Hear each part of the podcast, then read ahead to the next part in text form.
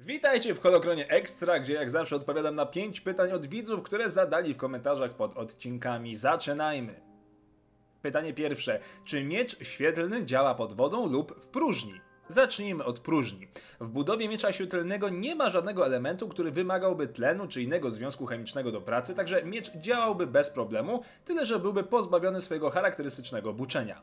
Co do warunków podwodnych, większość mieczy świetlnych po zetknięciu z wodą ulega wyłączeniu na skutek spięcia obwodów wokół kryształu. Istniała jednak zapomniana technika, jak obejść ten problem, a odkrył ją na nowo mistrz Kit Fisto. Metoda polegała na zastosowaniu rozwidlającego cyklicznego impulsu zapłonowego, który czerpał energię z dwóch kryształów na zmianę, co zapobiegało wyłączeniu się miecza pod wodą. Technika ta stała się dość popularna w mieczach generałów Jedi podczas wojen klonów, którzy operowali na wodnych planetach. Pytanie drugie. Skąd wziął się tytuł hrabiego u Duku? Duku pochodził z bardzo bogatej szlacheckiej rodziny z planety Serenno. Jego hrabski tytuł był po prostu odziedziczony. Używał go nawet po zostaniu oddanym do zakonu Jedi na szkolenie i zawsze był dumny ze swego pochodzenia. Po ukończeniu szkolenia powrócił na rodzinną planetę, by przejąć należny mu majątek rodzinny. Pytanie trzecie. Czy użytkownicy mocy mogą manipulować żywiołami takimi jak woda lub ogień?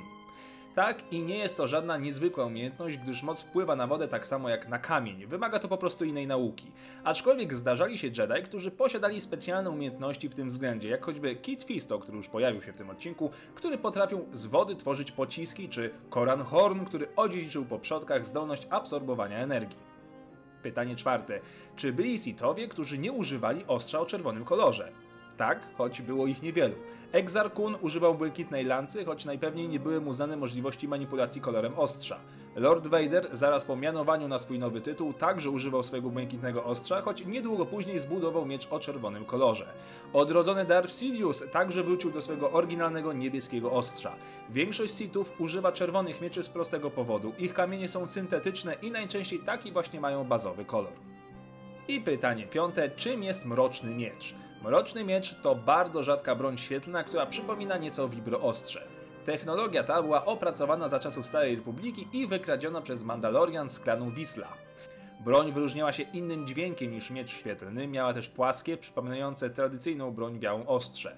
Rdzeń miecza emanował głęboką czernią, która zdawała się pochłaniać kolory i światło, jednocześnie emanując białą mgiełką energii elektrycznej. Najsłynniejszym właścicielem miecza był Mando imieniem Prewisla. To wszystko na dziś, dzięki za oglądanie, zadawajcie kolejne pytania pod tym albo pod innymi odcinkami i niech moc będzie z wami.